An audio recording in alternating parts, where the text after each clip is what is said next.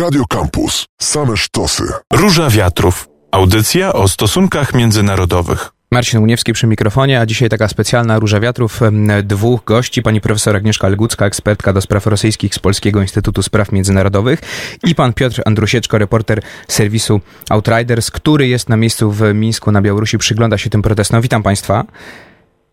Dzień dobry. Y, zaczniemy od pana, y, od pana y, Piotra, bo sytuacja na miejscu jest dynamiczna.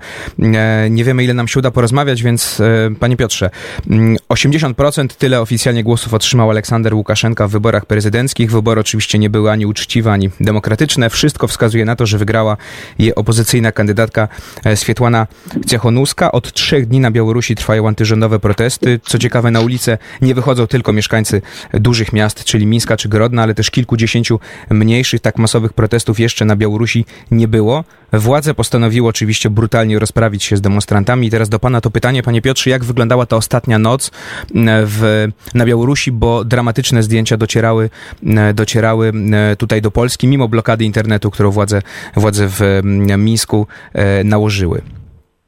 No ta noc, ta noc była bardziej chaotyczna od tych e, dwóch poprzednich, szczerze mówiąc, dlatego że nie było jednej lokalizacji, e, takiego miejsca, z którego można by jakby rozpocząć te, e, te protesty.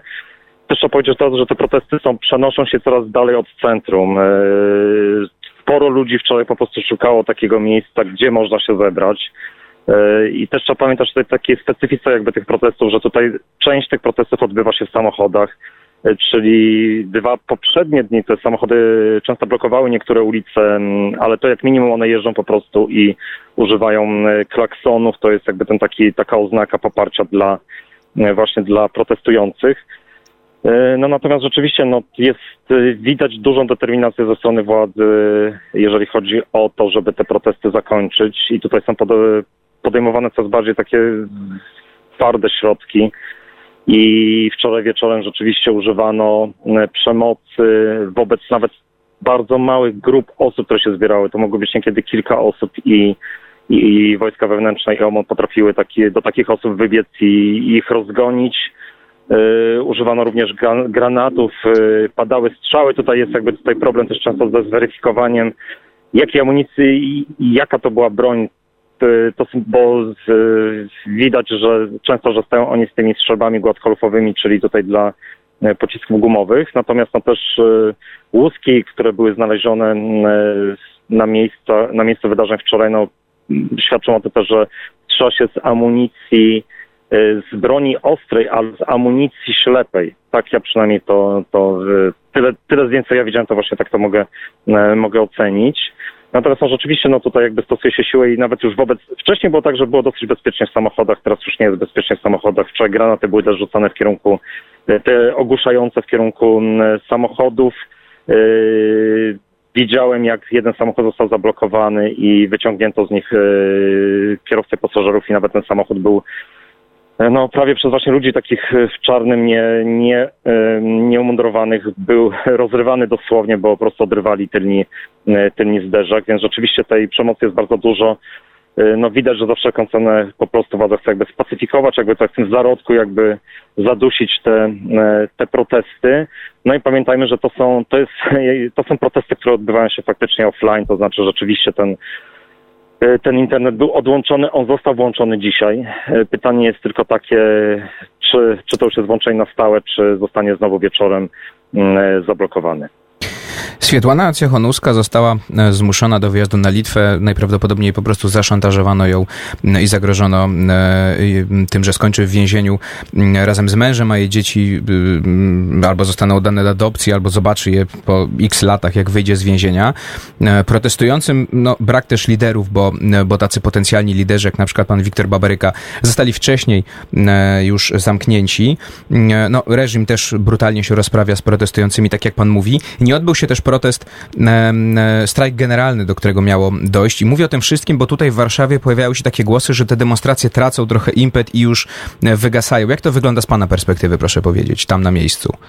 No rzeczywiście wczoraj wieczorem można było odnieść, było odnieść e, takie wrażenie, bo no jeżdżąc właśnie, tak jak mówię, wiele osób po prostu poszukiwało tego miejsca zbiórki i, i dosyć późno się te osoby mogły odnaleźć właśnie w takich, w takich miejscach i rzeczywiście ten jakby one były mniej intensywne i mniej ludzi się zebrało niż w poprzednich dwóch wieczorów.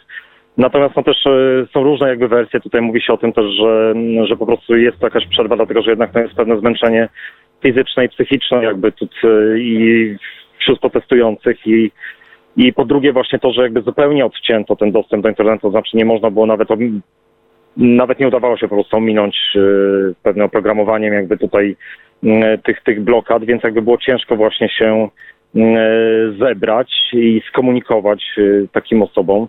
Y, więc no, trudno powiedzieć. Ja, ja, szczerze mówiąc, no, w takich sytuacjach ja nie mam nigdy odpowiedzi, bo to, to jest raczej gdybanie, co, co może być dalej. Y, bez wątpienia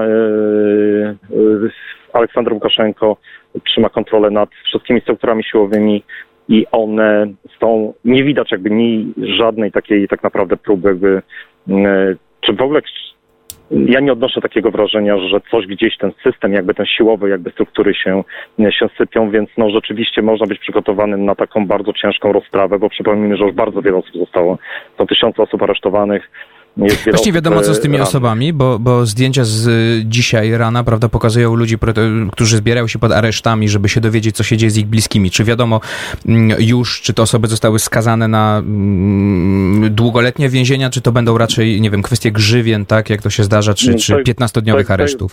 Tego nie wiemy, to znaczy oczywiście jest po prostu jest też jeszcze los, jakby wielu osób jest nieznany, to znaczy nie wiadomo, gdzie one, gdzie one przebywają. No, z oficjalnej telewizji rządowej codziennie jakby słychać e, komunikaty, że właśnie chuligani, którzy wychodzą na ulicę i, i, i, doprowadzają właśnie do takich zamieszek, no im grozi za to do 15 lat więzienia. Do pana Piotra jeszcze ostatnie pytanie, bo pan Piotr będzie musiał y, kończyć y, już rozmowę z nami, potem porozmawiamy z panią profesor y, Legucką. Panie Piotrze, czy wiedząc, co się stało na Ukrainie, po tym jak obalono Wiktora Janukowycza, czy wśród protestujących Białorusinów nie ma takich obaw, że nawet gdyby udało się, nie wiem, obalić Łukaszenka albo go osłabić, to i tak Kreml nie pozwoli na jakieś większe zmiany na Ukrainie, jakąś westernizację, próbę westernizacji, no bo to się może skończyć tak, jak się skończyło na Ukrainie, może i, i łatwiej w przypadku, w przypadku Białorusi, jeśli chodzi o jej powiązania i militarne, i gospodarcze z Rosją. Czy na razie nie ma takiego myślenia wśród, wśród protestujących? Nie, rzeczywiście to jest jakby to, ja z nikim rozmawiającym szczerze mówiąc, ja nie słyszałem o takich obawach, ale chodzi o to, że naprawdę tutaj ta perspektywa ludzi, którzy tutaj wychodzą jest zupełnie inna, bo my mówimy o władzy jednej osoby, która trwa już od 26 lat, i, I tak naprawdę, no rzeczywiście to widać jakoś taką niesamowitą energię, no poza tymi właśnie takimi strasznymi jakby tymi zdjęciami i wideo, które docierają i tymi kadrami właśnie, gdzie jak bardzo traktuje swoich obywateli, no to jednak ja też widziałem taką energię właśnie tych ludzi, którzy no po prostu chcą zmian. I tutaj ta kwestia, ja rozumiem, że ona z perspektywy może polskiej jest ważna, ale kwestia jakby tego geopolitycznego usytuowania e, Białorusi po na przykład, jeżeli by rzeczywiście doszło do, ale to jest, mówimy, mówimy o perspektywie, która jest nie, nie do zmierzenia, e, doszłoby do zmiany, no to, to tutaj póki co nikt się tym nie zostawia. Myślę, że to jest kwestia raczej dla polityków, dla liderów, no, których, jak właśnie sami mówiliśmy, ich, ich nie ma praktycznie, e, więc to jest to nie jest pytanie, które nurtuje jakby ludzi, którzy, którzy wychodzą na te protesty, przynajmniej w Mińsku. I tutaj y, kropkę stawiamy. Panie Piotrze, y, dziękuję panu bardzo za, za rozmowę. Mm, zostaje z nami pani profesor Agnieszka Legucka, ekspertka do spraw rosyjskich z Polskiego Instytutu Spraw Międzynarodowych. Jeszcze raz witam pani profesor. Dzień dobry. I porozmawiamy właśnie teraz ta perspektywa rosyjska, yy, bo o tym gdzieś tam w polskich mediach chyba tak nie do końca. Oczywiście wiadomo, no, skupiamy się na tym, co się dzieje na bieżąco, bo, bo, bo sytuacja jest yy, i dramatyczna, i, i ludzkie dramaty i protesty są, są oczywiście bliżej nas niż ta sytuacja taka szersza, ale mm, no, Kreml patrzy oczywiście uważnie na to, co się dzieje. Proszę powiedzieć pani profesor na początku w takim razie, trochę w skrócie pewnie, jak ważna jest Białoruś dla, dla, e, dla e, Rosji? No bo jak spojrzeć na mapę, wydawałoby się niewielki kraj, który tak jest uzależniony od Rosji, e, aż tak nie powinno Rosji zależeć. No a właśnie, nie wiadomo, czy nawet nieważniejszy niż, niż Ukraina.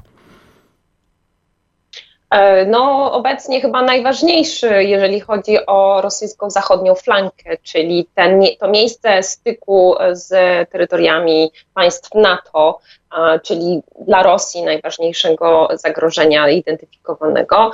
Dodatkowo e, Białoruś e, nie tylko mm, jako geograficznie jest dla, dla Rosji ważna, ale również tak ideologicznie, e, symbolicznie, jako państwo, które przez wiele lat było, przez lata 90. chociażby, było takim państwem e, pokazującym, że integracja z Rosją to jest coś pozytywnego i można mieć z tego ogromne profity, także finansowe. No ale właśnie od momentu wejścia do, dojścia do władzy Władimira Putina Rosja postanowiła urealnić, czyli bardziej skorzystać na, na, tym, na tym powiązaniu z Białorusią.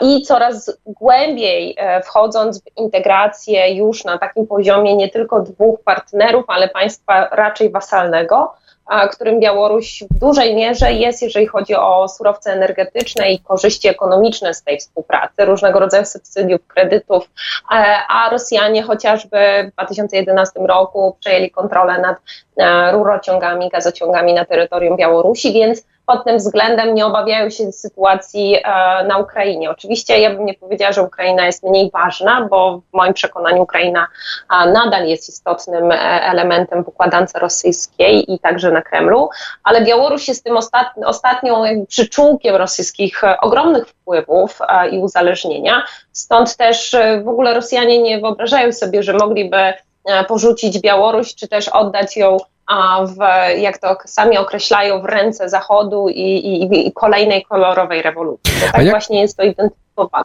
A na ile pani profesor Kreml obawia się tego, że no, Rosjanie, tak jak pani powiedziała, no, jakby Białoruś jest, jest przez wielu Rosjan uważana no, tak de facto trochę jak część ich kraju, obserwują to, co się dzieje na Białorusi, znają zakładam, wielu Białorusinów, no bo te relacje przecież przez, przez y, dziesiątki lat były nawiązywane. Na ile Kreml się boi, że gdyby nagle doszło do demokratyzacji na Białorusi, do zmiany, gdyby nagle Łukaszenko uciekł faktycznie, tak jak stało się zresztą na Ukrainie, no to Rosjanie mogą zacząć myśleć, że kurczę, skoro tam się udało, skoro tutaj jest demokracja, mm, skoro może ludziom zaczyna się trochę żyć lepiej, to czemu by u nas nie spróbować? Czy jest taki strach na Kremlu trochę, że, że ten przykład mm, ukraiński, a teraz gdyby się udało na Białorusi, no to to wpłynie bardzo na rosyjskie społeczeństwo? Ten strach oczywiście jest w oczach władzy i systemu rządzącego tej, tych oligarchów, a także polityków na czele z Władimirem Putinem, e, utraty władzy w wyniku rewolucji, stąd też wszelkiego rodzaju rewolucje, Majdany, e, nawet rewolucja październikowa była czymś, co symbolicznie ma, ma bardzo negatywne oddziaływanie na społeczeństwo rosyjskie. E, no i można powiedzieć tak, że tej perspektywy dzisiaj, co się dzieje na Białorusi, to dla Rosji to jest bardzo korzystny niestety scenariusz. To znaczy a, obecnie na sytuacja w momencie, kiedy Aleksander Łukaszenko rozgramia w sposób ogromnie brutalny, to e, te scen, tych scen z, z Białorusi, z Mińska, o którym mówił właśnie pan Radusieczko, no, no ciężko się, ciężko się ogląda, jak bardzo brutalne są te y, działania Rosy, y, białoruskich władz. E, I to jest, to jest e, perspektywa, czy też scenariusz e, rosyjski na Białorusi, który jest w interesie Kremla, dlatego że to, jak bardzo brutalny jest Aleksander Łukaszenko, ostudza, a czasem być może nawet uniemożliwia mu dywersyfikowanie kontaktów z Zachodem, z Unią Europejską, z Polską i z innymi państwami, a, a przez, to, przez to staje się słabszym partnerem do rozmów, bo pamiętajmy, że pod koniec zeszłego roku miało dojść do podpisania takiej bardzo ważnej umowy między właśnie Rosją i Białorusią. Białoruś w dużej mierze się, a, a sam Aleksander Łukaszenko się postawił e, Władimirowi Putinowi nie doszło do takiej symbolicznej jedności tych dwóch e, podmiotów. A teraz już będzie o wiele słabszym e, graczem, uzależnionym od, od pomocy rosyjskiej. Ja nie wykluczam, że Rosjanie właśnie idą w takim kierunku, żeby w miarę rozwoju sytuacji, pogorszenia się sytuacji, a jakąś bratnią pomoc e, zaoferowali bezpośrednio Aleksandrowi Łukaszence. Nie mówię tutaj o interwencji wojskowej, mm, bo to też jest coś, czym Aleksander Łukaszenko gra. My trochę z polskiej perspektywy nie doceniamy też samych Białorusinów, ich oporu, ich a, też woli politycznej, dlatego że przez wiele, wiele lat a, uważano Białorusinów jako społeczeństwo bardzo apatyczne, apolityczne. No a teraz to, co jest, to, co można pokazać w odróżnieniu do poprzednich akcji tłumionych, czy też powyborczych, czy też różnego rodzaju demonstracji, a można powiedzieć, że Białorusini już nie tylko w dużych miastach, ale obudzili się znaleźli alternatywę, widzą, widzą po prostu e, inne możliwości i chęć zmiany. A, a tego też się obawiają e, władze rosyjskie. Ale z jednym ale, ponieważ Władimir Putin właśnie jest po takim najważniejszym dla niego a, głosowaniu nad konstytucją a, i jedyne miejsce, gdzie dochodzi do protestów, na razie władze jeszcze ignorują te protesty, chociaż trwają one od początku lipca, to jest Chabarovsk, bardzo daleko e, na wschodzie, e, w, w, mieście dochodzi, dochodzi do demonstracji. I na razie to, co właśnie też odróżnia władze rosyjskie od białoruskich, a nie stosuje się tam siły, to znaczy próbuje się te demonstracje przeczekać, bo to głosowanie nad konstytucją dawało właśnie Władimirowi Putinowi możliwość rządzenia do 2036 roku. No i teraz to głosowanie Łukaszenki i e, opór społeczny i tak naprawdę utratę legitymacji, to znaczy Aleksander Łukaszenko we wszystkich różnego rodzaju ocenach ekspertów e, nie jest już przywódcą Białorusinów, to znaczy on przegrał te wybory bo w poprzednich e, wyborach, nie wiem, 2006 czy 2010, była sytuacja taka, że on podkręcał wyniki, ale jednak e, społeczeństwo, jak mm, e, właśnie wsłuchiwano się w głosy zwyczajnych Białorusinów właśnie na wsi czy w prowincji, to oni jednak uważali, że Aleksander Łukaszenko poradzi sobie i powinien być przywódcą Białorusi. Może nie ma jakiegoś super poparcia 80-90%, ale to ponad 50 było. Teraz widać wyraźnie, że on stracił e, ten, ten moment symbolicznego przywództwa Białorusią. No I to, jeżeli teraz nie dojdzie do, do załamania, do zmiany, to bardzo utrudni mu rządzenie krajem. A na tym będzie korzystać, no oczywiście, Rosja. A co z, pani profesor z m, odpowiedzią Kremla na to, co dzieje się na Białorusi? Bo tak, z jednej strony Władimir Putin pogratulował e, Aleksandrowi Łukaszence oczywiście zwycięstwa w, w wyborach, a z drugiej strony deputowany Dumy i zastępca szefa Komisji do Spraw Wspólnoty Niepodległych Państw, w której wkład, w skład też wchodzi Białoruś, Konstantin Zatulin w rozmowie z gazetą.ru stwierdził, że te wybory były sfałszowane. No, pewien dwugłos. Czy to ma polegać też na osłabianiu y, pozycji Łukaszenki, o czym pani też mówiła, że jest to na rękę Kremlowi? Czy jakieś inne tutaj jeszcze y, y, przyświecają cele? No bo mówmy się, Zatulin tak sam z siebie nie wyszedł i nie, nie, nie, nie powiedział tego, co powiedział? Ja bym powiedziała, że strategią Rosji jest e, stworzenie takiej sytuacji dla Aleksandra Łukaszenki bardzo niekomfortowej, czyli różnego rodzaju wrzutki o tym, że Aleksander Łukaszenko uciekł z kraju. Ja bym nie powiedziała, że to na przykład nie były źródła rosyjskie. A do Turcji miał uciec, tak. Czyli tak, że do Turcji miał, miał uciec, no bo, no bo mm, sytuacja, sytuacja nabrzmiała na tyle. Na ten, ten moment niepewności i to, ta sytuacja niepewności ma cały czas towarzyszyć e, Aleksandrowi Łukaszence, bo e, to będzie pchało do, do e, tego, żeby im bardziej, im bardziej się uzależniał od Rosji, a przede wszystkim od Władimira Putina, od bezpośrednich kontaktów, no bo Władimir Putin mu pogratulował, aczkolwiek też z takim dużym zastrzeżeniem tutaj eksperci wskazują na to, że e, to, to te, te, gratulacje były inne niż wszystkie dotychczasowe, mówiące o tym, że będą się przyglądać sytuacji e, na Białorusi, a także no, to, to pogłębienie integracji jest jednym z elementów tego, tego szerszego poparcia. I ten dwugłos w Rosji ma właśnie sugerować, że ta sytuacja może się zmienić. Rosyjskie poparcie może, e, może pojawić się, znaczy przenieść się na, na kogoś innego w przyszłości, a jeżeli tylko Aleksander Łukaszenko nie będzie w stanie zapanować nad sytuacją.